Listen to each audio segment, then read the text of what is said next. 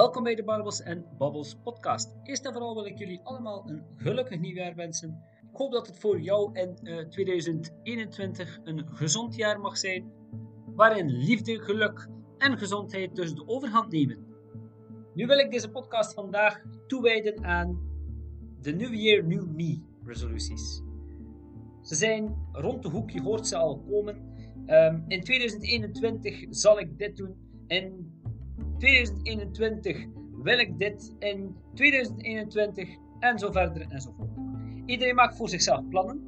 En misschien weet je het of misschien weet je het niet, maar 70% van alle nieuwjaarsresoluties zijn op het vlak van gezondheid. Mensen zijn hun al een tijd bewust van de manier waarop dat ze leven. En aangezien dan het nieuwe jaar voor de deur staat, dan is het het ideaal moment om een verse start te nemen. Of we zitten vast in ons leven en we zijn op zoek naar een nieuwe uitdaging. Dat is natuurlijk 2021 daar het ideale moment voor. En uh, ik sprak dan nog niet over de elephant in the room, of course, corona. Ik denk dat iedereen het wel eens is als ik zeg uh, dat 2020 niet het allerbeste jaar is geweest voor ons. We misten veel, we misten sociaal contact, liefde, vrienden, vrijheid werd ons plots allemaal afgenomen uh, en op een lager pitje gezet. ik denk dat ik niet de enige ben als ik zeg dat ik graag terug het nieuwe, het, sorry, niet het nieuwe, maar het normale leven zou terug willen hervatten. Nu keren we terug naar de New Year, New Me resolutie. Sta mij toe om al direct een correctie te maken hierop. Uh, New Year, New Me bestaat niet. Boom. Klein shock-effectje. Maar uh, je kan niet verwachten dat je de eerste dag van 2021 zal opstaan als een herboren Jezus. Uit de assen van jouw eigen zelf. Nu ga je misschien wel de eerste dag, de eerste dagen, de eerste week en misschien de eerste maand een nieuwere versie van jezelf proberen uit te vinden. Maar een mens is een gewoontedier. Voor je het weet sta je terug in je oude schoenen en is het back to your old ways. En nu zullen misschien al enkele van jullie mee zijn, of zullen misschien al enkele van jullie de oplossing hebben horen vallen. Gewoontes. Daar ligt de sleutel.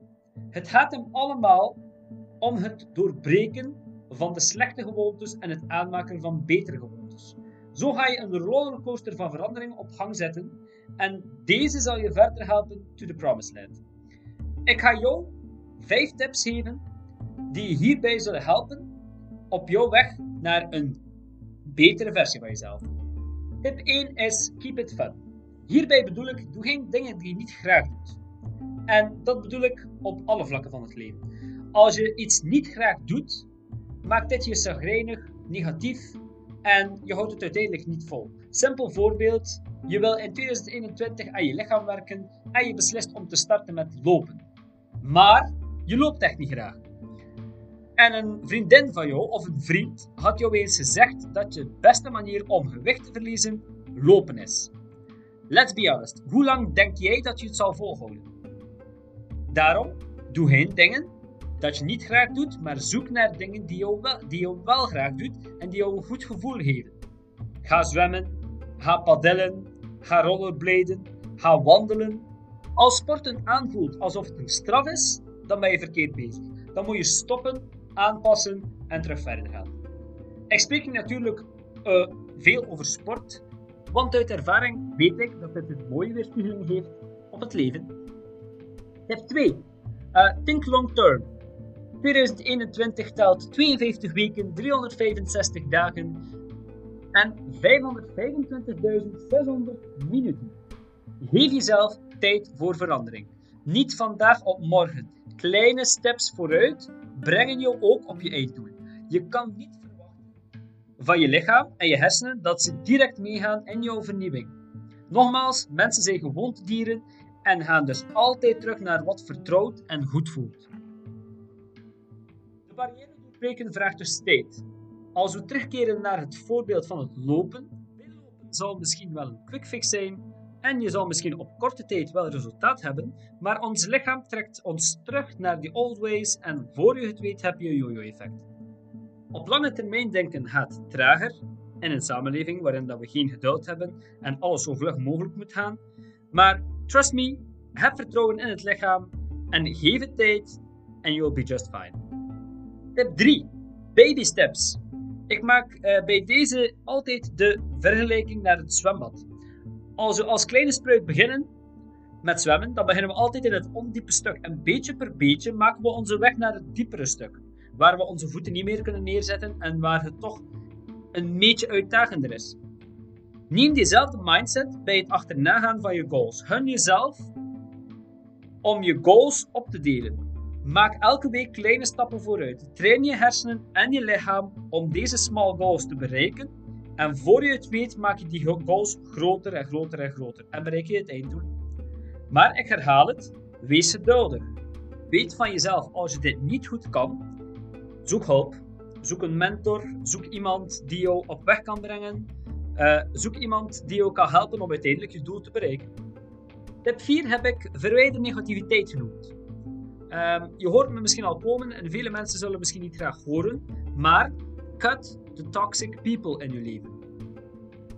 Ja, maar Jeff, ik weet niet wie toxic is en wie niet in mijn leven. Wel, ik help je graag. Een eerste manier om te weten wie de toxic people in jouw leven zijn, is uh, een eerste makkelijke test. Dat is Wanneer je denkt aan het woord negativiteit, wie zijn dan de eerste personen die bij jou opkomen? Wel, deze personen zullen waarschijnlijk toxic people zijn in jouw leven. Kut. Tweede manier, tweede test. Wie vraagt van jou veel energie? En wie zijn de mensen die jou echt leegzuigen van energie en moe maken? Wel, probably toxic people. Kut.